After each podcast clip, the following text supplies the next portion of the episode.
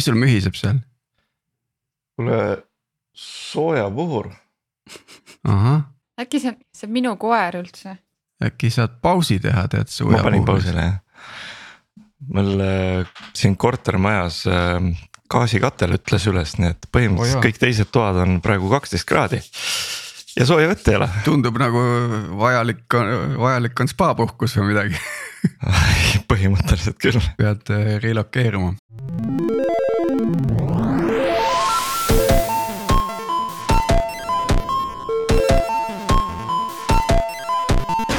Tere jälle Algorütmi kuulama, eetris on meie saja seitsmekümnes episood ja mina olen Tiit Paananen Veriffist ja minuga koos on lindistamas äh, Martin Kapp Pipedrive'ist. ja täna tõmbame korra tehnoloogiast hinge ja vaatame üle äh, nende inimeste olukorra, kes seda tehnoloogiat loovad ja rakendavad. ja ehk siis sukeldume Eesti IT-tööturgu ja selleks on meil külas äh, Katariin Tull ja Reet Kaurit Talent Hubist, tervist. tere. tere. ja Reet on meil juba saates teist korda, et, et, et alustame Reet sinust, et tee väike tutvustus, et mida Talent Hub teeb ja mida sina seal täpselt teed? Ja teist korda küll. just enne arutasime, et mis, mis me seal rääkisime, et eks saab tagasi, tagantjärgi üle korrata neid asju või üle kuulata. aga Talent Hubist, Talent Hub endiselt aitab äh, värvata inimesi, peamiselt küll startup idele, peamiselt äh, siis ettevõtetele, kes otsivad innovatsiooni, kes tahavad asju teha natukene teistmoodi. meie enda taust on see, et me oleme startup'is üles kasvanud ja, ja, ja ütleme nii, et seda kogemust on aastatega järjest juurde tulnud, et, et raske on kuhugi teise sektorisse väga ära minna. peamiselt värbame IT-inimesi, aga mitte ainult, et kõike, keda startup'is vaja läheb, et on küll sinna IT-d vaja, küll on vaja sinna customer support'i, üks hetk on marketingi vaja, üks hetk peab äh, finantsi üle vaatama ja nii edasi. ja minu ülesanne tegelikult Talent Hubis ongi pigem rääkida siis ettevõtetega, aru saada, kas meie oleme õiged partnerid neile ka, sest samamoodi nagu ükski kandidaat ei ole alati õige, isegi kui ta on parim kandidaat, ei ole ta alati õige just sellele ettevõttele ja nii edasi, et samamoodi on värbamisagentuuriga ka, et, et me ei pruugi alati olla kõige paremad partnerid, oleneb sellest, mis see vajadus on. ehk ma olen selline esimene nägu, kellega siis äh, potentsiaalsed tulevased partnerid peavad kokku puutuma, et edasi saada värbamise juurde, vot.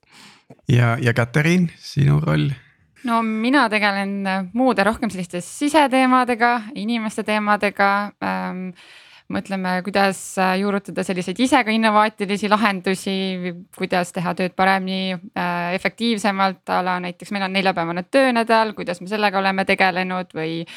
või, või muid selliseid äh, jah äh,, kaasaegseid lahendusi, pluss ma olen ise ka värbamistes sees, aitan seal sellist kvaliteedi äh, teemat äh, edasi arendada. ja, ja, ja kõike see pool minu pool jah ma pean vahele ütlema, Katariin nagu hästi tagasihoidlikult lihtsalt ütles, et on värbamistes, sest Katariin on mega värbamisfänn ja, ja, ja tegelikult on päris paljudes projektides sees, et lihtsalt on nii põnev, et äh, tahaks ikkagi kätt soojas hoida asjades. et ähm, nii tagasihoidlikult siin paar asja klaariks kohe ära, et et see äh, värbamine versus palkamine, et äh, professionaalid kasutavad värbamist ja siis äh, need, kes ei tea midagi värbamisest, need räägivad palkamisest või see on selline nagu lingvistiline probleem ja et ma olen ka tähele pannud, et eriti ähm, tundub, et see on sihuke varasem va,, vana iganenud sõna, mis on nagu minevikust jäänud. et see on nagu palkame, et, et on kuskil seal äh, palgalipikutes on mingi, mingi, mingi number tuleb, et, et nüüd on ta palgatud, et noh, palk on olemas, et, et värbamine on jah selline äh, kaasaegsem, aga meil on tegelikult veel kaasaegsemaid sõnu olemas, aga need noh, mis me ikka hakkame siin see ei ole eesmärk ma lihtsalt siinkohal võib-olla ütlen ähm, siukse, ma mäletan, kui ma rääkisin emale, et mida ma läksin Wise'i tegema, et, et ma läksin värbama, et, et personaliosakond, et ahah, see on see kaadriosakond, ma ütlesin ei, ei, ei ema, et see kaadriosakond, see ei ole kaadriosakond, et see on, see on personaliosakond ja täna me ei räägi enam personaliosakonnast, vaid me räägime talendi juhtimisest, eks, et kuidas nagu ajaga on, ajaga on see lingvistiline pool tõesti nagu muutunud. ja, ja sellest neljapäevast nüüd neljapäevasest töönädalast tahtsin ka küsida, et kas see tähendab, et reede on vaba või on seal vahepeal mingi vaba päev või kuidas teil on? Ja meil on üldiselt äh, olnud reeded vabad. Äh,, meil on olnud äh, noh, selles mõttes äh, minnes nüüd tagasi, me alustasime suvel ja meil on olnud äh, neljapäevane töönädal. Sai alguse sellest, et äh, suvel äh, võiks rohkem aega olla iseenda jaoks äh, ja, ja kõik reeded on vabad äh, siis olnud. Aga meil on olnud see seotud ka eesmärkidega, et kui on kvartali eesmärgid täis, siis on äh, järgmine kvartal neljapäevane töönädal, et kui mingi kvartal näiteks eesmärgid ei tule tiimil täis, et siis me lähme tagasi viiepäevasele, ehk me testime ausalt öeldes. Ja olemegi selline elav äh, organism, et, et me anname siis äh, a la ma arvan, umbes järgmisel suvel, ehk siis aasta on möödas, siis me annaks nagu ülevaate mis meie kogemus on olnud sellega, et mis on töötanud, mis ei ole töötanud. alguses äh, on ikka sihuke rohkem eufooria, mingi hetk on harjumine. et, äh, et me ise ka veel vaatame neid põnevaid, ähm, seda põnevat uuringut, mida me siis hetkel teeme. igal juhul sellest me võime tulla ja rääkida siis äh, suvel pikemalt, et kuidas see on läinud, et täna on veel natuke vara, et me ei saa öelda, mis on, mõjutab mida ma just tahtsin küsida, et kas siis on, et enne, enne kvartali lõppu, et äh, siis läheb hullult rabelemiseks, et äh, meil kaob üks tööpäev, muidu tuleb juurde jälle, et noh. Mõjutab see kuidagi motti või päeva lõpus on tegelikult ju targalt töötamine, et kui sul on töö tehtud, et samamoodi ma arvan igal pool, et kui sul on töö tehtud, ega keegi ju neid tunde nagunii ei loe. et lihtsalt siis on lihtsalt dedicated päev, et kus siis, kus see päev siis on. ja kui sul on endiselt kõik hästi, siis sa sellel päeval äh, saad endiselt nagu vabamalt võtta. et kokkuvõttes on ikkagi eesmärgile orienteeritud. nii et kui eesmärgid tulevad täis, siis palka saad viie päeva eest? jah palka saab viie päeva pärast kogu aeg. Just, just. no väga hea, meil on mingisugune hübriidmudel sellest, meil on nagu kolmapäev on koosolekute vaba päev. et see noh, tekitab teatud mõttes sellise fookuspäeva. Täna ongi kolmapäev. Hea võimalus on rohkida esimese asjana sa oled siin meiega koosolekul. täpselt jah, just jah.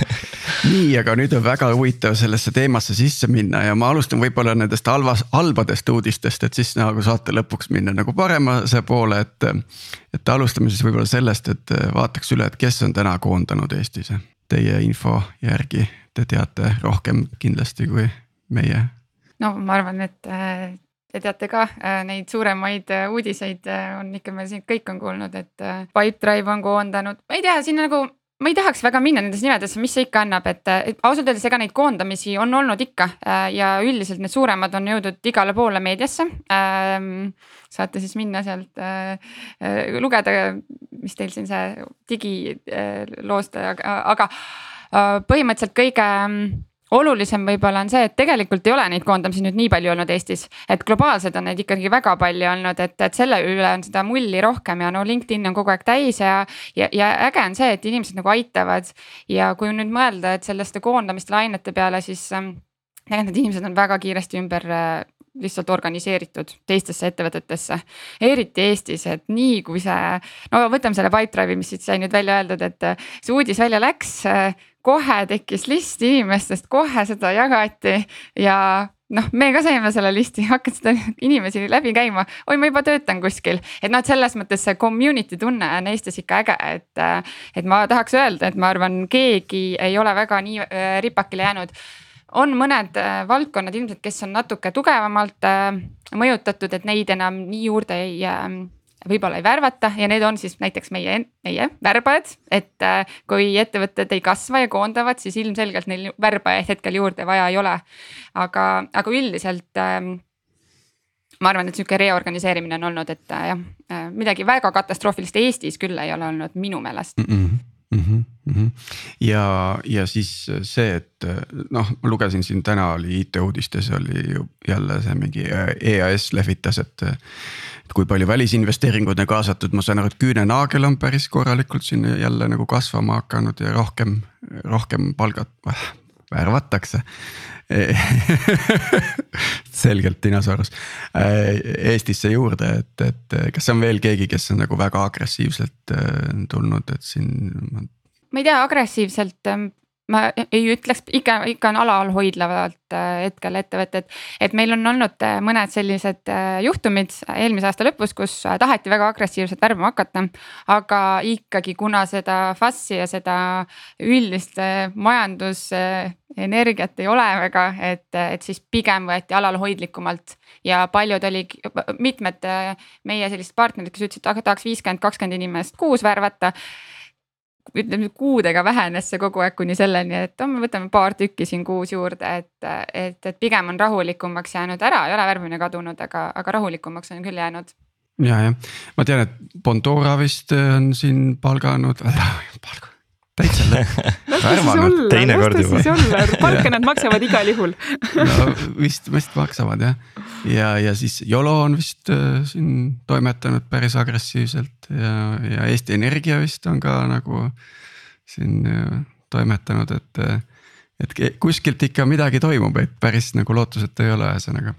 tegelikult ei ole üldse see asi minu meelest nii lootusetu, et äh, need noh, kui me räägime kasvõi nagu noh, IT-sektorist ja räägime näiteks startup idest, need, kellel on äh, rahad ju taskus, ega nende plaanid ei muutu, lihtsalt võib-olla see FOMO efekt, mis oli nagu hästi-hästi pikalt see, et, ma pean ruttu-ruttu värbama, et ma pean ruttu kõik ära võtma, kes vähegi kuskil paistab, et, et, et, et muidu ma jään ilma, inimesi ei ole, et kui keegi on huvitatud, siis ma kohe võtan, et äh, võib-olla see noh, see FOMO efekt on nagu ära kadunud, korra on nagu samm tagasi võetud, mõeldud, keda mul üldse vaja on äh, kas mul on see maja seest äkki olemas ja kuidas seda ajastada ja pigem on nagu valima hakatud rohkem. mitte, et ennem ei valitud, aga, aga võib-olla nagu, nagu, et ma võtan parem ühe väga hea, kui võtan kaks käib kah inimest, et see on nagu võib-olla natukene muutunud, aga need, kellel plaanid on äh, ja, ja rahad on taskus, ega, ega, ega seal nagu midagi otseselt ei, ei, ei ole otseselt muutunud mm. -hmm. nüüd võiks korra vaadata sinna sisse, et siis keda, keda otsitakse, et. et kui me siin saade on arendajatele, siis, siis piirduks võib-olla selle tehnoloogia inimeste äh, poolega rohkem, et, et, et äh, oskate nagu välja tuua mingeid distsipliine, ma ei tea, back-end, front-end, full stack, testijad, DevOps, äh, infosec, masinõpe, et keda, keda otsitakse täna just praegu kõige aktiivsemalt? supermehi, kes oskavad kõike seda, mida sa nimetasid aa oh jaa, neid mehi on ju räigelt lademes igal pool. ja nüüd oluline punkt siin, äh, kasutame siis inimesi mehi et, et sinna jõuame ka kohe, et ma tahan seda, seda naiste osakonda ka teada. aga, aga jaa, keda siis äh, kõige rohkem tar-, vaja on? no meie andmetel endiselt on väga palju vaja just neid äh, unicorn inimesi on ju, kes kõike teevad, mida rohkem teevad, seda parem on. et eriti, kui me töötame startup'ide ja kiiret, kiirelt kasvavate are, arenevate ettevõtetega. aga back-end arendajad, front-end arendajad ähm,, ma ei tea, masinõppe inimesed, äh, data inimesed, et tegelikult kõike, kõiki rolle on meil aktiivsel hetkel sees. ja võib-olla, mida isegi veel rohkem otsitakse nagu lead tüüpi inimesi, et neid on nagu kõige raskem leida täna äh, veel eriti. Äh, esiteks nad ei taha väga liikuda ja neid ei ole ka väga palju, et. sa mõtled siin juba sellist tiimijuhte ja mänedžeri mm. -hmm. just, just, just, aga kes on ikkagi ise käed sees olnud ka, olnud siis arendaja et, et neid äh, ilmselt tahetakse jah, kõige rohkem mm. -hmm. aga uusi rolle nagu täitsa, et oo, polegi ennem sellist rollist midagi kuulnud, et. Äh, ja ma tahtsin just sama küsida, et, et kui tuleb nagu firmas mõeldakse välja noh, et, et, meil on sihukese asja jaoks vaja, aga siis, et, et millega sa võrdled seda väga, väga ei olegi võrrelda, et tuleb täitsa mingi. keegi leiutabki mingi startup'is uue asja, uue positsiooni välja, kuidas te siukseid leiate? või millised need on? No tavaliselt see ikka taandub, et, et sul on mingid skill'id, mingi taust, midagi on vaja, et. et ütleme, kui see on mingi uus tehnoloogia, siis tal on mingid eeldused millegi jaoks et, et kust ta võiks tulla ja seda ära õppida. aga ja, ja meil on olnud ikka neid, et, et on mingi uus keel välja tulnud, et tahaks viieaastase kogemusega, keel on olnud, ma ei tea üldse kaks aastat on ju, et noh, et, et noh, seda ikka on, et see, et siis me üritame ka, et okei okay,, vaatame korra nüüd sellele asjale otsa, et päris nii ei ole võimalik. aga midagi sihukest ulmelist küll ei ole, pigem on ära kadunud need, et ja mingid imelikud nimed, et ikka nimetatakse normaalselt, et kõik saavad aru, keda otsitakse, et vahepeal oli küll, et noh, et sellist. proovime jah, proovime eristuda kuidagi ja noh, paneme sinna mingit ime, noh midagi jah kummalist mis on, mida, mida ma lihtsalt, ma mõtlen nagu inquiry'te mõttes nagu no PHP on küll nagu küll suht nagu ära kadunud, et see ikkagi ei, aga Pythonit on palju päris palju nagu, et äh, seda, seda trendi ma nägin, et Eestis nagu oli kogu aeg Java, Java, Java ja, ja, ja maailmas nagu see Python nagu, nagu levis ja, ja kuidagi ei olnud nagu aru saada, et kuidas meil siin Eestis ei ole, aga nüüd äh, inimesi on ikka puudu, aga, aga Pythonit värvatakse vähemalt meil. see on masinõpe raudselt jah? Masinõpe. Golangi ka. me ise siin leiutasime mõned rollid, DevSecOps ja MLOps, et, et siukseid asju tuleb ka jah, eks ma ütlengi, et selliseid hübriidrolle nagu täpselt, et kõike võiks osata ja siis veel ikkagi ongi see arhitektuur ja lõpuks veel võiks nagu osata värvata ja tiimi juhtida, et nagu neid hü hübriidrolle nagu tahetakse päris palju. aga tegelikult üks asi, mis ei ole muutunud nagu absoluutselt ettevõtete puhul, keda otsitakse, et tegelikult otsitakse seda suhtumist ja, ja, ja siis äh, seda motivatsiooni ja huvi midagi Äh, või mitte midagi, huvi asju ära teha ja seda drive'i nagu, et see on nagu endiselt sama ja vahet ei ole, kus, et, et ma nagu võib-olla räägin siia ühe sellise nagu loo, ma käis, käin vahel ähm, koolis äh, personalijuhtimisest rääkimas ja siis ma lastele nagu räägin ka sellest nagu karjäärist, et kuidas nagu, mis see intervjuu on ja kuidas see siis toimub ja siis me teeme alati niisugust harjutust alguses, et pane kõigepealt kirja, et mis sa arvad, mida tööandja tahab? kõik panevad kirja, no küll on see siis ähm,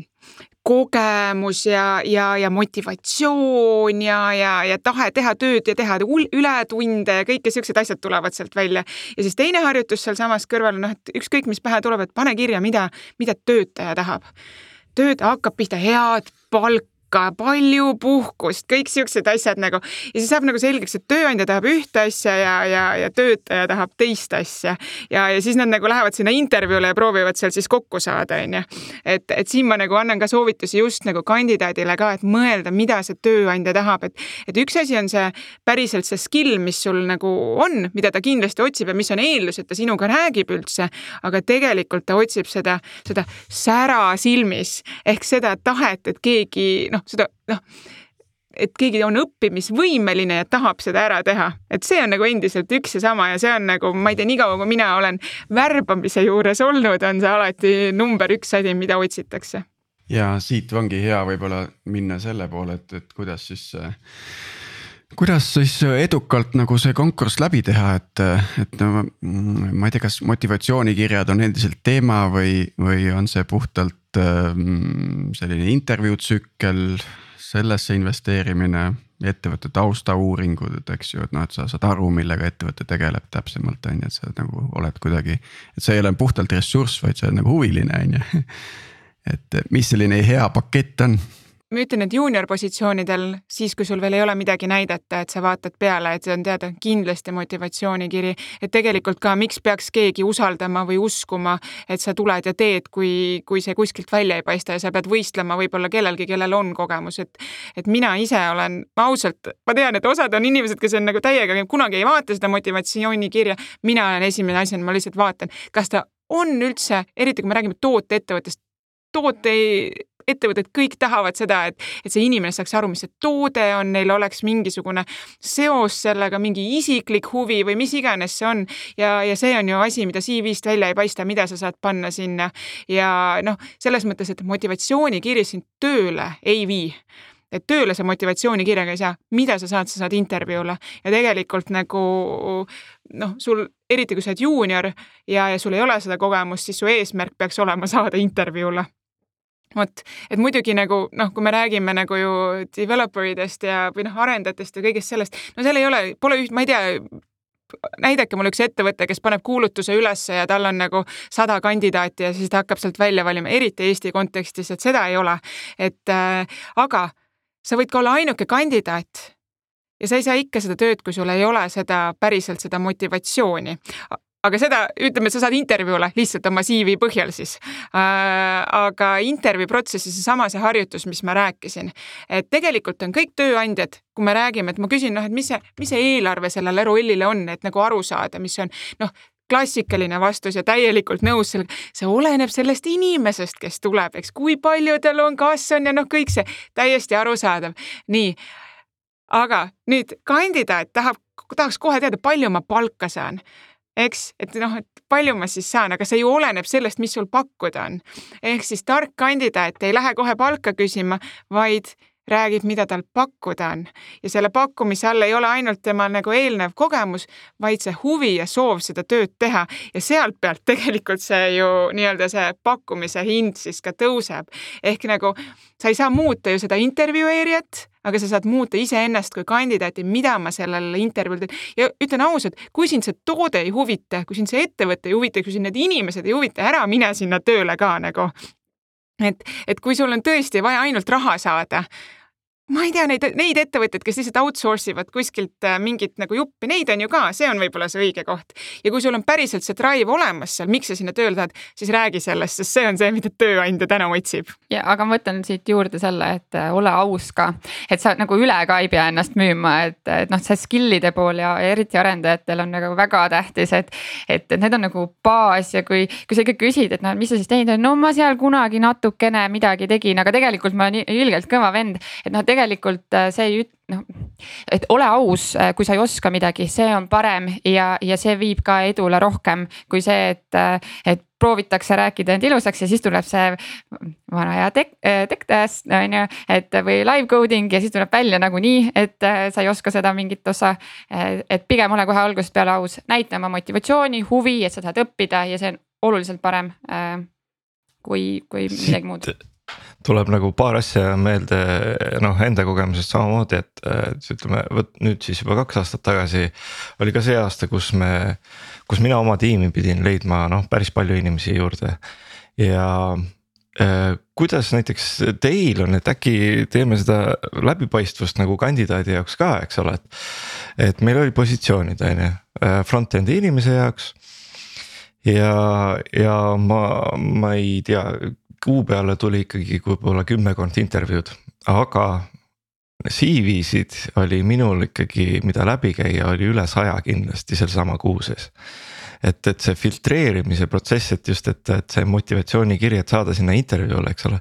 et kuidas see nagu reaalselt on, eks ole, et kui ma olen kandidaat, et kui, et mis tõenäosus on, et mind üldse intervjuule saada ja kui, et kas see intervjuule saamine, kui hea või halb see tegelikult on, eks ole, et et, et, et kandidaadile, kes ei ole väga palju tööturul nagu ringi käinud. Äh, noh, et, et talle ka nagu selg-, selgust tuua, et mis asi see tööprotsessi alguses on, et mis see tõenäosus on üldse kuskile saada. et äkki oma, omapoolset äh, statistikat, et kuidas teil on, et kui palju teil CV-sid versus ah, intervjuusid on? mis see, mis see, kuidas see pipeline välja näeb? jah yeah no üldiselt äh, meie ise headhunt ime kandidaate, et, äh, et need, kes me, meie laua taha tulevad, et nad ikkagi on juba mingite parameetrite põhjal sinna sattunud. et sealt me ei pea neid nagu nii väga filtreerima, et, äh, et neid siukseid avalikke töökuulutusi me ei, ei tee üldiselt kandideerimisi. nii et noh, selles mõttes me ei saa siin öelda, et ja meil on sada ja sealt me filtreerime nüüd kuidagi välja, et aga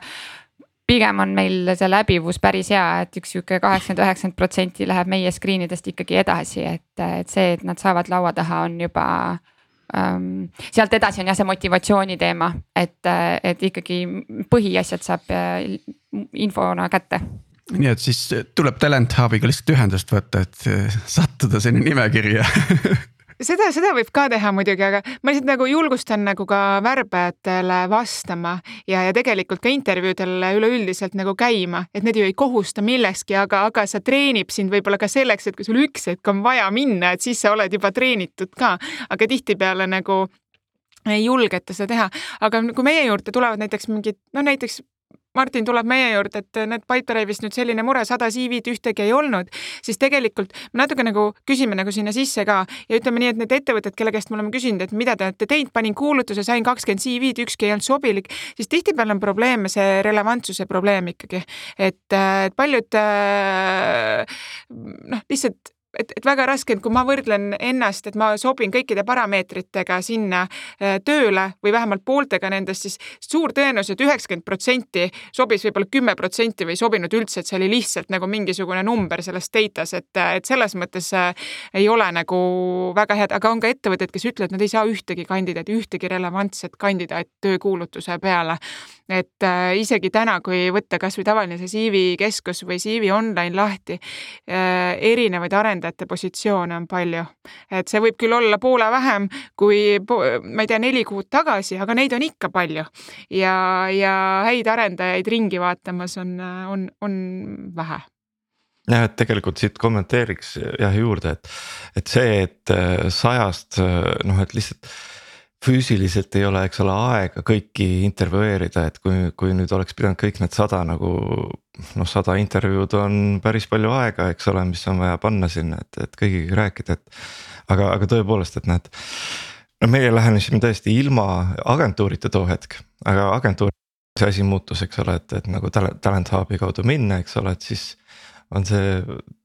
siis see nagu keerub, noh läheb teistpidi nagu natukene, et siis teie otsite juba neid õigeid inimesi, teate nagu paremini, eks ole, et noh aga või võib-olla ma lihtsalt ütlen, et siinsamas see motivatsioonikirja efekt, et sul see sada, et sa ei jõua sajaga rääkida. ma noh, kujutan ette, et sa vaatad, okei okay,, keegi mingi suhteliselt suvaline ettevõte, tal on olnud kaks aastat kogemus, suurem tõenäosusega on ta web development'i teinud, ta ei tea tegelikult nagu deep back-end'ist midagi, on ju, ja sa ei lähe temaga edasi. see oli nagu, sa vaatasid sellele CV-le kolmkümmend sekundit peale, sa läksid edasi. aga seal taga on üks ambitsioonikas inimene, kes tahab seda teha ja kuidas ta sinna intervjuule teistmoodi saab, ta ei saa selle CV-ga ja see on nüüd noh, kandidaat kõik kuulab, et on selline mõte, tegelikult on huvi ja ma olen õppinud ja tahan, aga lihtsalt sattusin sinna web, web development'i on nagu lahe olnud, aga täna on igav ja, ja ja ma olen side projekte teinud seda, teist ja kolmandat ja ehitanud äh, midagi enda tarbeks ja sõbrale aidanud seda teha ja seda seal CV-s ka ei ole, siis ongi see motivatsioonikiri see, mis on see veidike extra mile nagu. Sa ei kandideeri nagu, ma lihtsalt toon näite, et kui sa kandideerid, ma ei tea, office manager'iks on ju, seal on kõik küllaltki sarnased profiilid ja seal sa pead hullult pingutama, aga arendajad ei kirjuta motivatsioonikirju, te võite ise ka öelda statistikast, kui mitu motivatsioonikirja sa saad. Ja kui nüüd sellest sajast kolmel on motivatsioonikiri, see jääb nagu meelde ja kui sa näed, et keegi on selle extra effort'i teinud, siis sa oled nagu ka mõtled, sul nagu tekib mingis mõttes nagu ka kohustus, et mul on ka tunne, et ma peaks talle midagi vastama, et kas ma peaks temaga helistama, midagi, see tekib, see on selline sotsiaalne see, ma ei tea, kuidas seda psühholoogiliselt nimetatakse, aga, aga sihuke positiivne manipulatsioon, aga ja ma tahtsin öelda, et noh, et täna on ju meil olemas tore chat äh, GPT, nii et, et noh, et kes jääb ikka nagu väga raskusega nagu ei saa kirjutatud, siis pane sinna sisse. Ja küll sulle kirjutatakse midagi. ei no tegelikult saab ju panna kõiki asju, see on loodud selleks ka, et seda enda jaoks tööle panna, et enda brändi üles ehitada, väga hästi saab ära kasutada, üldse ei ole halb, nii et pro, pro tipp siit just, nii, aga kas on mingisugused tehnoloogiad, mille jaoks nagu Eestis täna spetsialisti ei ole leida, aga, aga mujalt on, et kas sellise, sellist probleemi setti on ka teile juhtunud kätte? Pigem on neil nagu valdkonna teemad, et otsitakse näiteks äh, väga head mingit EdTechi või mingi äh, noh, nagu gaming siis nagu mitte nagu kasiino gaming, aga, aga, aga video, mis need on need päris nagu mängud, mängud on ju. et meil ei ole sellist äh, tausta lihtsalt, et kui me räägime nagu, nagu näiteks disainist on ju, kes on neid tooteid disaininud, siis väga raske on nagu Eesti kogemuse peal, kus on no ma ei tea, suur osa on fintech lihtsalt, et, et, et sealt seda saada nagu, et pigem on valdkonna kogemuse mm -hmm. asjad. nii et disainereid on, on vähe, eks ju. Ehm, ja just sellisest nagu gaming, gaming valdkonnas, et mm. -hmm. Mm -hmm. kuidas on, palju nagu protsentuaalselt naisi läbi käib, mis seal see edukus on? ma lihtsalt toon referentsiks, et traditsiooniliselt vist on see kuskil kahekümne protsendi ringis, võib-olla gramm alla, sõltuvalt ettevõttest on see naiste osakaal tehnoloogia sektoris umbes, umbes nii ongi ja noh, arendajate poole peal on pigem veel kehvem, et kui me võtame ette ettevõtted tervikuna, siis ähm, ja toote pool, disaini pool, seal on äh, pigem naisi ähm,, aga jah, niisugused äh, väga tehnilisi äh, ei ole. Ja eks see probleem nagu ähm, on selline, millega osad ettevõtted juba päris aktiivselt tegelevad, aktiivselt proovivad leida neid võimalusi, kuidas siis äh, mitmekesistada oma tiime ja, ja noh, üldse nagu kuidagi sellist äh, mindset'i sinnapoole suunata, et äh,. et kuidas, miks see tiimi edasi aitab ja no mida me näeme, et tegelikult leadership posi äh, positsioonidel on ka natuke vähem naisi. aga sinna aktiivsemalt tahetakse võtta äh, näiteks naisi see on küll, ma lihtsalt ütlengi vahele, et, et, et meil on päris palju tulnudki täitsa sisse diversity otsinguid, et, et lahendada just nagu seda valukohta siis äh, ettevõttes. Ja, ja seda nähakse järjest varem ka, et tihtipeale nähakse noh, ma ütlen kunagi võib-olla mõned aastad tagasi oli see, et okei okay,, üks hetk saadi aru, et ma ei tea, keegi näitas näpuga, et teil ei ole, kus on ja siis on vaja nagu ja nüüd nagu noh, force ime seda, et on vaja, aga täna on see mindset ikkagi jõudnud sinna, et kui sa ei, no näiteks kui sa ehitad toodet olenemata nagu rassist või soost, vaid see on kõigile, siis ei saa nagu kõik valged mehed seda nagu parimat toodet ehitada ja saadakse aru, et mida varasemas staadiumis meil on seda diversity't, siis, siis seda, seda, seda nagu mm, suurema tõenäosusega see toode saab paremini ja seda suurema tõenäosusega ka investorid sellesse ka järgmiseid raunde panevad, et seda nagu nähakse varemas faasis ja see juurpõhjus on muutunud minu meelest, et see ei ole enam see checklist, vaid on päriselt nagu soov teha asju paremini nojah, et see, see on mitme nagu mitmekesisus toob innovatsiooni, toob äh, kasumlikkust, et see ei ole enam niisama tõesti, et teeme neid tick-box'i nagu värbamisi, et see. ja, ja siinkohal ja me teeme diversity otsingut, aga see ei ole, et me laseme latti alla või ma ei tea, midagi sellist, kindlasti mitte. see on lihtsalt aktiivselt võimaluste otsimine, kuidas me saaks väljaspool oma network'i kaasata inimesi ja diversity ei ole jah, tõesti mehed-naised ainult, see on erineva ähm, haridustasemega ähm, sellise rassilise taustaga, geograafilise taustaga, kõike nagu, et, et, et lihtsalt, et, et see on nagu ka hästi oluline nüanss, et. et alati tähele panna, sest muidu on ainult mehed-naised või siis nagu selline vanuseline mitmekesisus nii-öelda aa ah, vaat just see vanuse teema on ka, et on teatud noh, müüt, ma ei tea, kas see on müüt või, või see on päriselt statistiliselt tõestatud, eks ju, et ütleme seal. arendajad nelikümmend viis viiskümmend, viiskümmend viis, eks ju, nad on nagu näinud mitmeid generatsioone tehnoloogiaid ja, ja täna on, on mingis mõttes nagu. on sellist loobumist, et, et ma nüüd ei jaksa seda uut asja siin õppida, et palju sellist vanuselist seltskonda, kuidas see nagu jagunemine seal on, et. ma ei tea, kas teil seda statistikat kohe käepärast on, aga meil ei ole statistikat, me tahame teha erinevaid statistikaid veel äh, selle kohta, aga ma ütleks, et äh, pigem selline vanemaealine generatsioon äh,. esiteks viiskümmend ei ole vana, on ju, et teeme selle ka kohe selgeks, aga äh, et nad on stabiilsemad, neid on nagu raskem saada töökohta vahetama. Ähm, pigem, kui nad midagi hakkavad tegema, siis nad on seal pigem pika, pikaajalisemalt, et äh, mida nooremad, seda kiiremini see nagu tsükkel neil vahetub ja et äh, seda me küll on, näeme jah. seal on tegelikult see, see asi ka, et see noh, mida, mida kauem sa kuskil oled, seda rohkem su see palk ju tõuseb ja see mugavamaks see läheb. ja kui sa nüüd lähed uute kohta ja sul ongi vaja sedasama, seda viite aastat kogemust kaheaastasel tehnoloogiale ja, ja noh, nii-öelda, et sul ei ole seda ja, ja kogemuse järgi siis nagu antakse seda palka, siis väga raske on liigutada juba heal järjel olevat arendajat kuhugi, kus talle nii-öelda, kus ta peab õppima hakkama ja selle ja, ja keegi ju ei noh, mitte keegi, vaid ikkagi see palk on suure tõenäosusega madalam, see motivatsioon nagu võib-olla siis puudub, on see pigem teema jah, muidugi teine faktor, eks, mis ma olen võib-olla nagu mõtlen, et, et, et mida roh-, mida vanemaks sa saad, seda rohkem sul tekib nagu elu, perekonda, lapsi, eks ole, et siis noh, see finantspool on, muutub tähtsamaks võib-olla, et kui ise nagu mõtlen, et kui ma olin kahekümnendate alguse poole. Suht suva oli, tegelikult noh, selles mõttes pigem teed seda, mis on nagu äge ja mis meeldib, eks ole, et. et see, see ei olnud nagu siis nagu nii, nii määrav, aga aga, aga jah, see, see ka muutub kindlasti, et need ootused siis nagu kandidaadi poolt võib-olla või?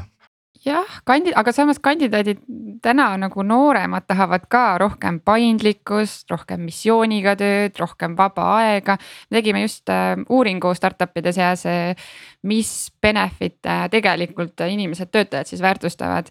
ja ükskõik mis vanusegruppidega ei kuulunud, et vaba aeg oli nagu number üks asi ja paindlik töö, et kõik muu on ähm, vähem täht-, tähtis, et kas see on spordikompensatsioon ma ei tea, mingi kohvi äh, kontoris, et see ei ole üldse enam nii äh, tähtis mm. -hmm. palju, paljud teie klientidest pakuvad osalust äh, oma töötajatele? ma julgeks öelda, et peaaegu kõik et, äh, et kuna me enamasti töötame startup idega, siis, äh, siis äh, kõik. optsioonid on nagu de facto ootus juba inimestel ka ja,. jah, ja, ja, ja tihtipeale ka nagu ikkagi noh, ma lihtsalt ütlen ka, et väga paljud nagu partnerid küsivad, okei okay,, meil on need optsioonid ja, ja et, et kas siis selle võrra saab nagu palka natukene madalamalt, et optsioonidega siis teha siis kandidaadi ootus täna on ikkagi, et, et palk peab ka normaalne olema, et ei saa niimoodi mm, noh, niimoodi seal kaubelda erinevus on muidugi täitsa algfaasis, et seal on nagu teistmoodi, et seal ongi riski, seal on seda, seda return'i nagu võimalust nagu suuremat, et seal on see koht, sest et alguses ei ole ka anda ka midagi, et, et noh, ma võtaks ju küll nagu selle X palgaga tööle, aga, aga mu võimalused on lihtsalt poole väiksemad, aga selle eest ma siis annan. et see on see mm. -hmm. ja kas seda ka rakendatakse, et äh, optsioonide suurus sõltub nagu sinu palgaootusest, et kui tahad palju palka, siis äh, saad pigem vähem optsioone ja vastupidi jah, meie ka väga soovitame kahtepidi nagu pakkumist teha, et mõlemad äh, asjad on esindatud, et äh, nii-öelda suurem palk, vähem optsiooni ja vastupidi, et, et ikka mängitakse sellega. aga siit korraks käis see nagu läbi, eks ole, et algfaasis ilmselt pakutakse noh, võib-olla nagu protsentuaalselt rohkem optsioone, eks ole, see palga ja riski see suhe. Millal tuleb üks ettevõte näiteks Talent Hubi, mis on nagu kõige värskem ettevõte, mis, kes on tulnud, et me tahaks inimesi saada?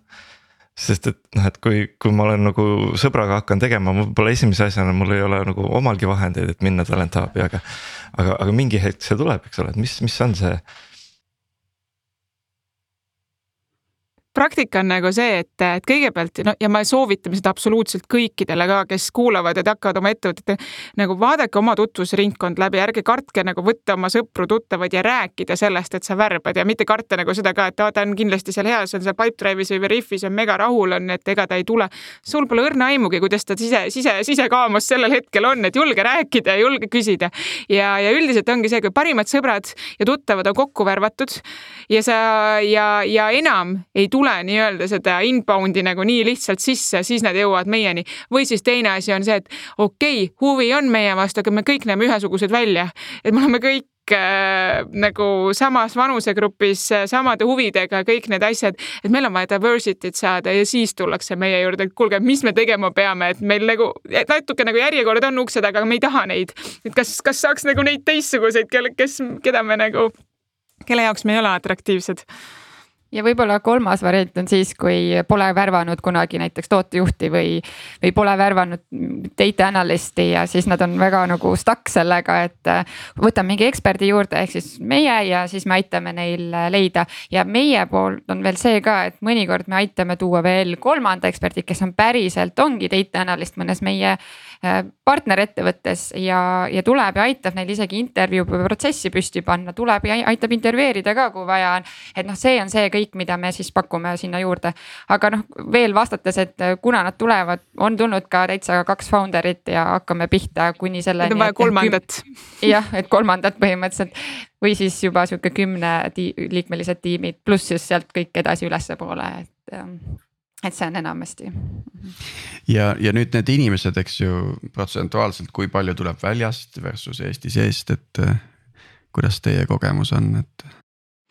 ma ütlen, noh, meil on nagu küllaltki see ka, et, et ega me nüüd see Eesti, noh, te teate ise ka see Eesti, see imearmas äh, konnatiik, mis meil siin on, on hästi tore, aga tegelikult äh, noh, õnneks startup'id, kellega me enamasti töötame, on seda mindset'i juba, et nad ei pea olema Eestist ja eestlased. et ega me väga neid projekte sisse ka ei võta ja ainult eestikeelseid projekte, sest me lihtsalt ei saa anda garantiid, et me selle ära teeme. ehk jällegi, et, et see statistika on meil nagu mõjutatud, aga ma julgen öelda, et viiskümmend, viiskümmend on. Äh, et kas nad siis juba on Eesti, me nagu nii hullult ei track'i seda, et kas nad juba on Eestisse kuidagi jõudnud või nad äh, relokeeruvad siia või jäävad remote, aga kuskil viiskümmend, viiskümmend on see ja täna on isegi remote'i kõige rohkem, et äh, need inimesed ikkagi on või siis hübriidi, et nad käivad äh, vahepeal Eestis näiteks, aga enamus ajast elavad teistes riikides, et, et see on noh, peale seda Covidi aega ikkagi palju rohkem edasi liikunud sinna suunda. ja mis riikidest nagu kõige rohkem tuleb? No selles mõttes, et ega eh, noh, see, ma arvan, igalt poolt läbi käinud, et sõda on väga-väga palju mõjutanud, et eh, võib-olla põhiriigid, mis kunagi oligi, oli Ukraina, Venemaa, Valgevene, et nad on kõik täna äh, mingis mõttes mängust väljas, et võib-olla Ukraina on nagu noh, ainukene, kust väga tahetakse ja tahetakse aidata, aga, aga tegelikult ta on ka mängust väljas, et ilmselgelt sealt ri-, ei ri, nagu vähemalt meesterahvad ei saa relocate ida ja, ja ka nende nagu see võimalus töötada on, on väiksem, aga endiselt ma julgen öelda, et äh, Lõuna-Ameerika on see koht. Äh, ja, ja, ja, ja väga palju on nagu neid äh, digitaalnomaade, kes elavad seal kuskil Tais ja, ja töötavad sealt, et kus iganes nad siis pärit on ja, ja, ja kui te nüüd Eesti ettevõtteid vaadat-, vaatate, paljud üldse nagu aktsepteerivad sellist nagu full remote positsioone, et meil on jällegi rohkem neid ilmselt, kes aktsepteerivad full remote äh, positsioone, aga mingist hetkest jällegi ma ütlen, et esimene core tiim tahetakse, et oleks, käiks ikkagi rohkem koos ja sihuke kolmkümmend kuni viiskümmend äh, töötajat, sealt hakatakse mõtlema. et eriti need, kes mõtlevadki globaalselt äh,, mõtlevad kohe suurelt ettevõtte ehitamise peale, et siis sa ei saa jääda Eestisse, sa ei saa seda parimat talenti relocate ima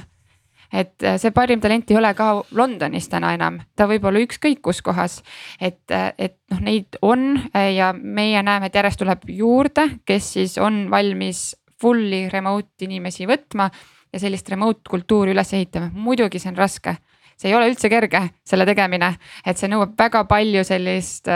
remote working fluency't nii ettevõtjalt kui töötajatelt, et, et, et see tööle panna. Me näeme täna neid raskushetki paljudes ettevõttes ja, ja ongi see, et ah, see ei töötanud, lähme ikkagi nüüd tagasi või proovime ikka hübriidi teha.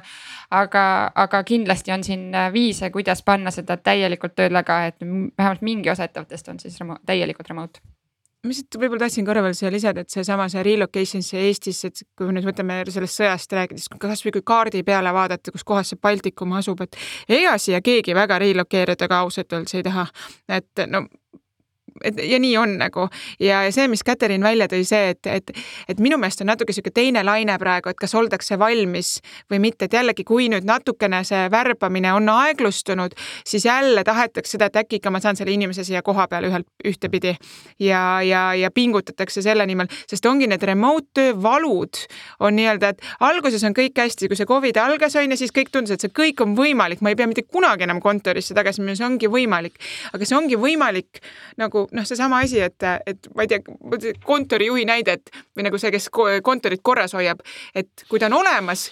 siis kõik toimib, keegi ei tunne tast puudust, äh, sellepärast et kõik toimib ja kui ta läheb ära, siis ega kohe ka midagi ei juhtu, aga mingi aja pärast hakkavad need asjad kuhjuma ja siis on aru saada, et kui vajalik see on. et see samamoodi, et, et samamoodi mindi nagu remote tööle, et tehti kõike samamoodi nagu kontoris ja see mingi ajani toimus, aga mingi hetk hakkasid pallid maha kukkuma, sest et ega see remote töö vajabki muid skill'e, muid äh, tööriistu, kõike seda. Ja need võib-olla ei tulnud kohe järgi, sest polegi ju oskuseid sellisel kujul. Ja, ja, ja sellega nii-öelda. Ja need, kes nüüd on paika saanud selle et on võetud võib-olla inimesi, kes on enne Covidit pikaajaliselt niimoodi töötanud ja toonud need teised oskused sinna majja, siis need tegelikult väga hästi toimivad ja siis on võimalik ehitada globaalselt tõesti nagu täiesti teisel tasemel ettevõtet, kuhu ta saab need talendid, keda ta muidu ei, ei, ei saa. et aga ma jälle julgustan siitpoolt ka, et tegelikult ega, ega on neid talente ka, kes ei taha remote olla, ta tahab minna sinna kontorisse ja, ja, ja vahepeal bondida ja eks seal ongi nagu erinevad need grupid, lihtsalt selge on see, et kui sul on terve maailm valida ja otsida neid remote inimesi, on palju suurem kui siit koha pealt mingisugust gruppi, kus on neid inimesi, kes tahavad koha peal käia ka, vot. Kas on mingisuguseid ettevõtteid, kes noh, Eestis tegelikult ei opereeri, aga üritavad nagu palgata Eestist, võib-olla nad nagu plaanivad hakata opereerima mingit tehnoloogiaüksust siia looma, et. on mingeid viimatisi, hiljutisi uudiseid, ma siin käis paarist episoodist tagasi käis läbi see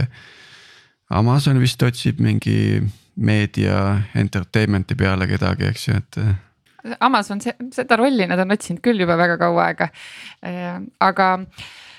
on ikka, kes tulevad ja meil ka läbi äh, Invest in Estonia, siit tuleb mingeid aeg-ajalt päringuid, kes siis ikka mõtleb äh, Eestisse tulla, rajada siia mingisugust oma üksust, et, et mõeldakse, Eesti on endiselt selles mõttes nagu atraktiivne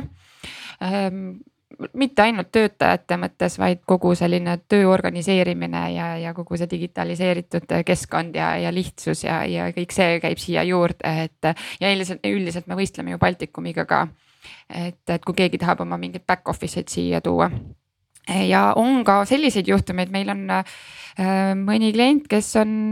Ameerikas kuidagi mingit pidi Eestiga seotud ja ise hakkavadki siin värbama ja võtavad kõigepealt kaks, siis veel kaks ja siis ütlevad, et tahaks neljakümmend juba ja. ja niimoodi nagu vaikselt äh, läheb, et on kuulnud korra, käinud võib-olla Eestis ja näinud seda startup maailma siin ja väga meeldib, et, äh,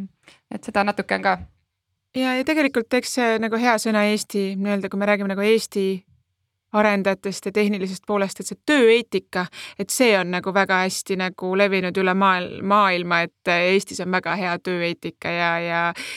kõvad töötegijad on siin Eestis, et seda me kuuleme tihti, et noh, hästi noh, noh, tavaline on ka UK ettevõtteid, et, et kuidagi tunnevad, et, et on sarnane kultuur, et siit saab nagu kõige paremaid inimesi, kellel on ühine keel, et, et värvatakse palju Eesti inimesi ka, et isegi ilma kontorita aga kui palju on tulnud tagasisidet selle kohta, et võetakse Eestist inimene ja siis, siis no eestlane ongi kõva töö, töötegija ja rabab, aga eestlane on tihtipeale ka võib-olla liiga otsekohene välismaalase jaoks, et kui palju nagu seda, seda on, olete kuulnud või, või võib-olla näinud, et näed. et võivad tekkida mingid jamad sellepärast lihtsalt, et no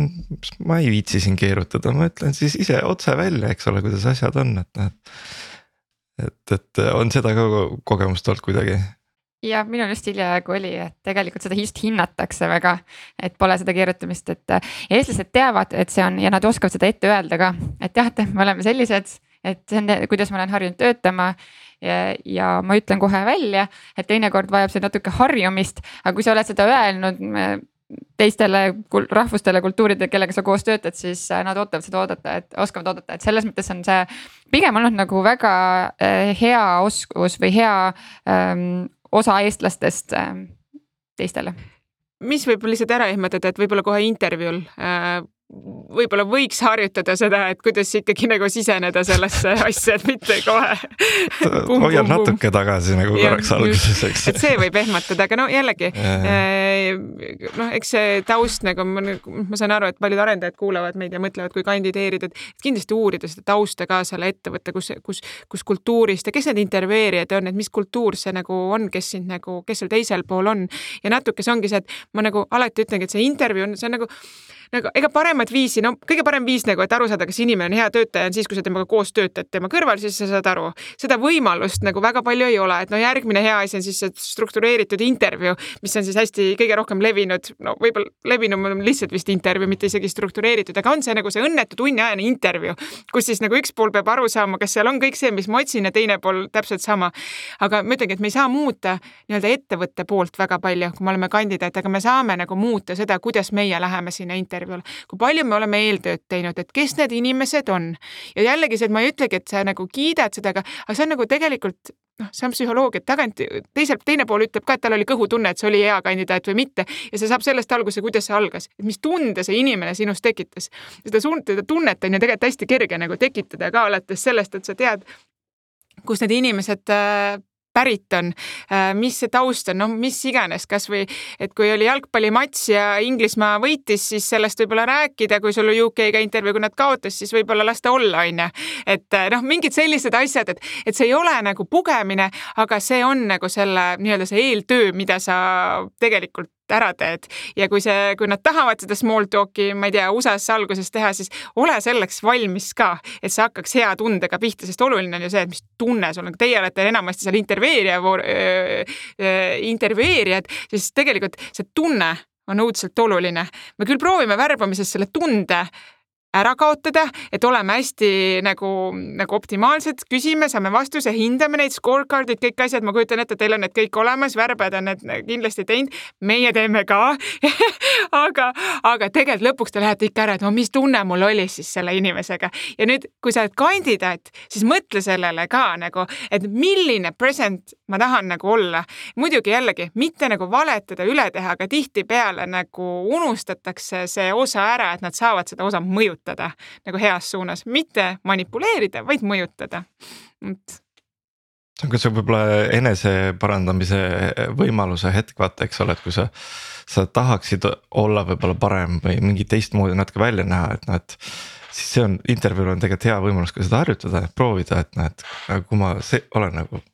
rohkem võib-olla sirgema rühiga seal või, või mis iganes, eks ole, et tegelikult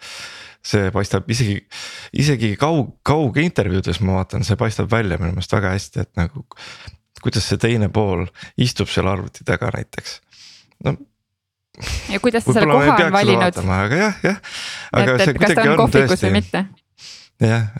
mingid väiksed detailid nagu ei mõtle, see ei ole tõesti, see ei pane hinnet, aga see ikkagi mõjutab nagu. see on esmamulje ja see mõjutab tohutult, et me ütleme, et see ei mõjuta, aga tegelikult see mõjutab meid tohutult. Ja ma ütlen, kandidaat saab selle asja ära teha aga siitkohalt ütlen, et nendele intervjueerijatele, hiring manager idele, teile kõigile peaks tegema bias training'u. et, et kõik on tore, aga et otsused võiks olla ikkagi objektiivsed, nagu just Reet ennem rääkis, struktureeritud intervjuud. et see kõhutunne on nagu nice, aga see ei saa olla nagu alati kõige parem viis, kuidas sa siis tegelikult inimest ju tööle võtad, on ju et, et selle peale tuleks ka alati mõelda, et oma bias'id võivad suunata ka valesse kohta veel tahaks uurida seda palgateemat, et noh, ettevõtetel on igasugust datat, eks ju, ma ei tea, Fontese data, Mercery data, kõik eh, nagu salary bracket'id on lined up per discipline, seniority ja nii edasi um,. mis see vaene, vaene kandideerija, kust tema seda palgainfot saab? Et noh, umbes noh, ega vist väga ei taha alla tulla palgas, eks ju, noh natuke kõrgem võiks olla, on ju.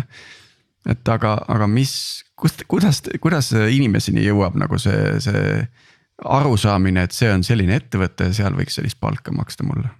no üleüldse palk, eks see on nagu sihuke keeruline, te tulete ka natuke teistsugustest ettevõtetest, kus on palju muid väärtuseid ka, et eks see on kogu tervik ja see palganumber tihtipeale noh, täpselt kui sul on optsioonid ja kõik muud asjad, et see ei kajastu nagu, et ühe seitse tuhat äh, võib olla teise neli tuhat on ju kõikide nende asjadega, et ja, ja ütleme nii, et nii kogu see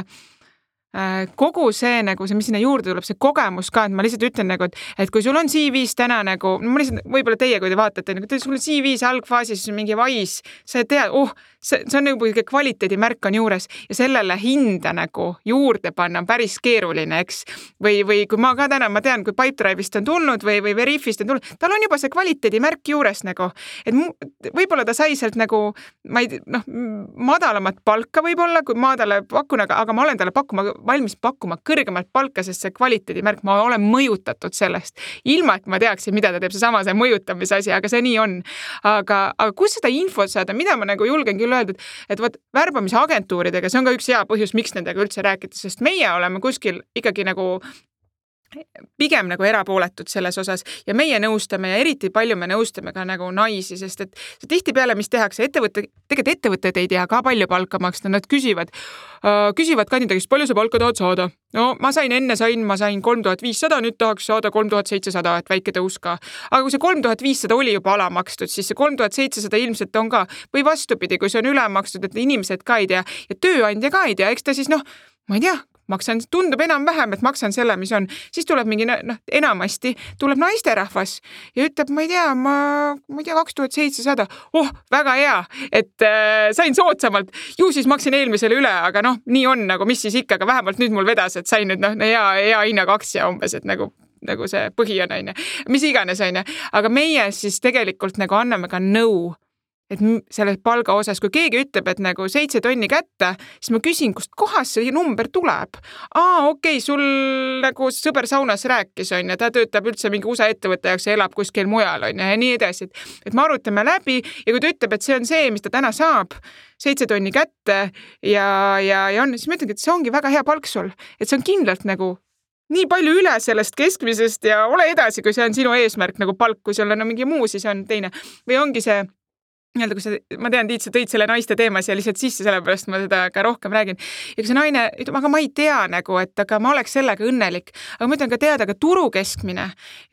on tegelikult see, sinu oskused tegelikult vastavad sellele ja see on see, mida sa peaksid nagu ka küsima, kui sult küsitakse, et me tegelikult nagu anname seda palganõud ja, ja tänapäeval on ikkagi kõik need Glassdoorid ja, ja ma ei tea, kasvõi palgad.ee, mingid sellised lehed, sa ikka mingi indikatsiooni juba nagu saad, et need on nüüd nii varjatud ei ole ka et. ja inimesed ikka räägivad omavahel, töötajad räägivad, ilmselt teate oma ettevõttes ka, tegelikult nad ikkagi vahetavad seda infot, et. et sealt ka tekib mingisugune nagu tunnetuslik ja täpselt, et siis sealt minnes ja kalibreerides ennast aeg-ajalt mõnel intervjuul on ka variant, et vaadata, et kuidas siis seal siis see vahemik on, et, et aga, aga jällegi mitte me ei taha siin neid palku üles push ida ega midagi sellist, et see ei ole kindlasti eesmärk, et, et maksta ikkagi õiglast tasu.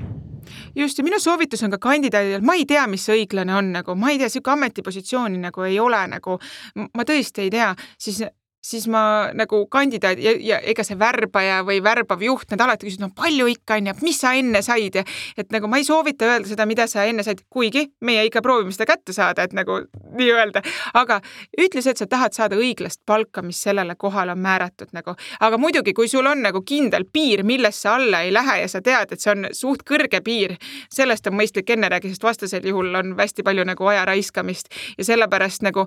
noh, e, ütleme niimoodi, et värbaja kes ei ole nagu ettevõtte sees, need on eriti kindlalt nagu minna, et neile võib suht julgelt rääkida oma soovidest ja tunnetest tegelikult, sest et äh, kui sa ikkagi oled nagu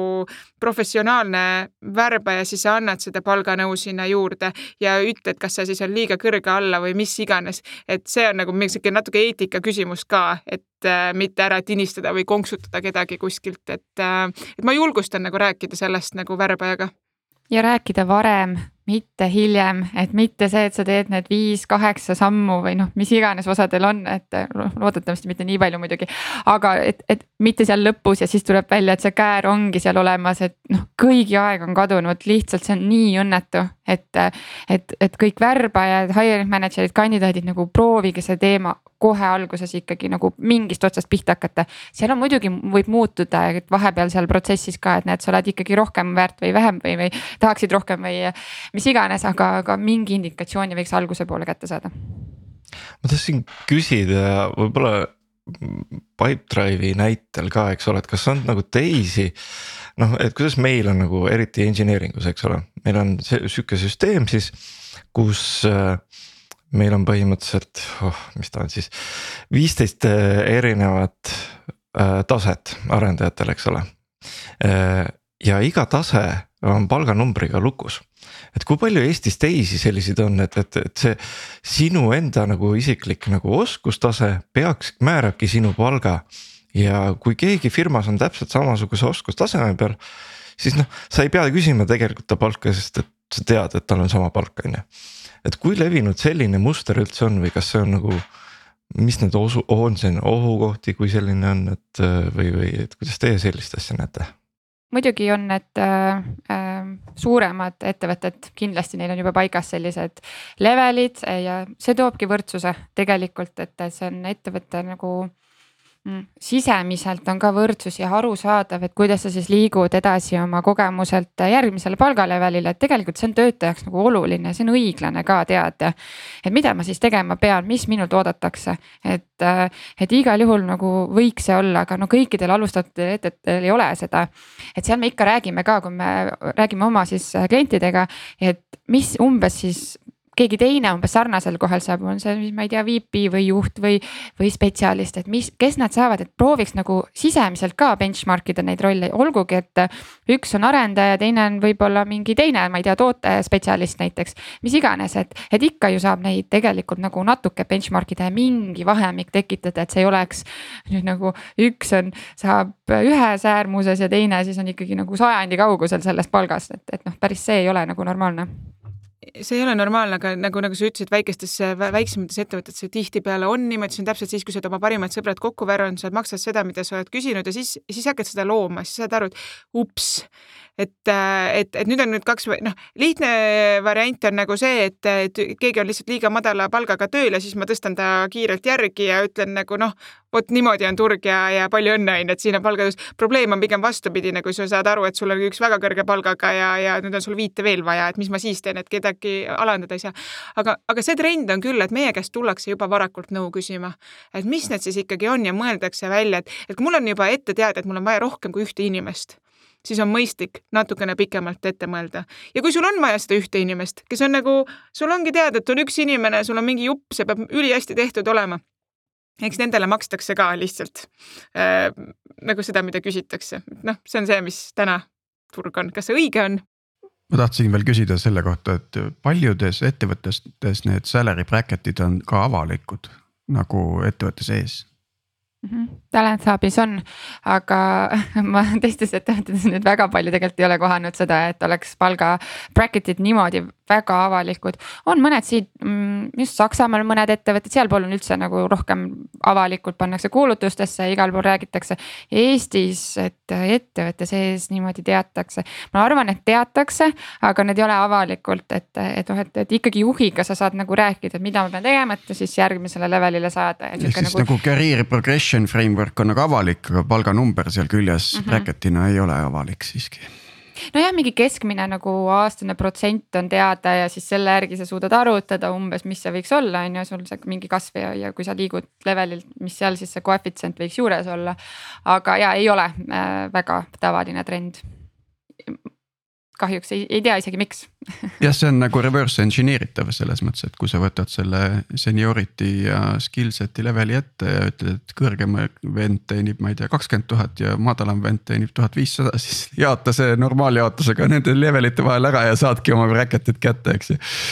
et väga palju mööda ei pane ilmselt, võib-olla eri distsipliinidel natukene on, et kus on nagu kuumemat, kuumemat. selles mõttes, et noh jah, et see võrdsuse teema mainisite ka just, et, et tegelikult, et kes iganes on sellise süsteemi välja töötanud või mõtleb selle töötamise peale, siis. noh, tundub, et vist võib soovitada, sellepärast et see tõesti tagab selle, et vahet ei ole. Äh, kust sa pärit oled, oled sa mees või naine. Äh, sinu oskus määrab sinu palga ja mitte miski muu põhimõtteliselt ja sinu taseme määrab sinu tehniline intervjuu tegelikult ja, ja noh, meil on sama, samamoodi, eks ole, ikka me uurime, et noh, et mis on palgasoov. aga siis me teeme alati selle tehnilise intervjuu, eks ole, ja see on, see on hästi huvitav, kuidas mõned inimesed äh, panevad jube täppi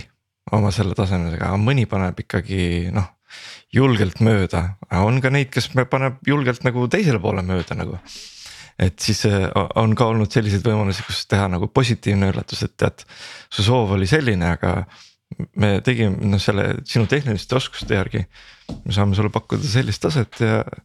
siis sa näed kohe, kuidas silm läheb särama seal teisel pool ekraani, eks ole, et. see on jube hea tunne sellist offer letter'it välja saata. on, on jube mõnus on. aga vastupidi on äh, ka tegelikult, et äh, tihtipeale, kui sa oled kandidaat, sa tegelikult ju ei tea, kui palju vastutust see töö, ükskõik siis töökuulutus, väga raske on nagu kohe öelda seda palganumbrit, et aga tegelikult ma ju ei tea, mida ma tulen tegema nagu. et äh, kas mul on nagu kogu see vastutus selle asja eest, kui suur see osa on ja kõik see asi ka, et eks see intervjuu käik on ongi, aga lihtsalt mingisugused suurusjärgud nagu peaksid olema palgas, et nagu, nagu Katariin ütles, et et, et, et, et pärast hiljem nagu, kui on ikka väga palju mööda, siis noh, ei jõuta lihtsalt kokkuleppele ja see on aja raiskamine. et no nii, me oleme siin mõnusalt purjetanud tunnikese nüüd, et eh, on vist aeg tänaseks otsad kokku tõmmata, et eh, tänan meie külalisi Katariin ja Reet. et tulite ja aitasite eh, hetkeolukorda kaardistada ja ma arvan, siit tuli nagu väga palju häid vihjeid kandideerijatele kui ka ettevõtetele, kes neid intervjuusid läbi viivad koos Talent Hubiga et tänan ka meie kuulajaid ja Martinit, et järjekordse saate ära kuulasite ja kokku aitasid panna ja aitäh, Tiit, et selle järjekordse saate ära vedasid tänan väga ja, ja kuulmiseni juba järgmisel nädalal.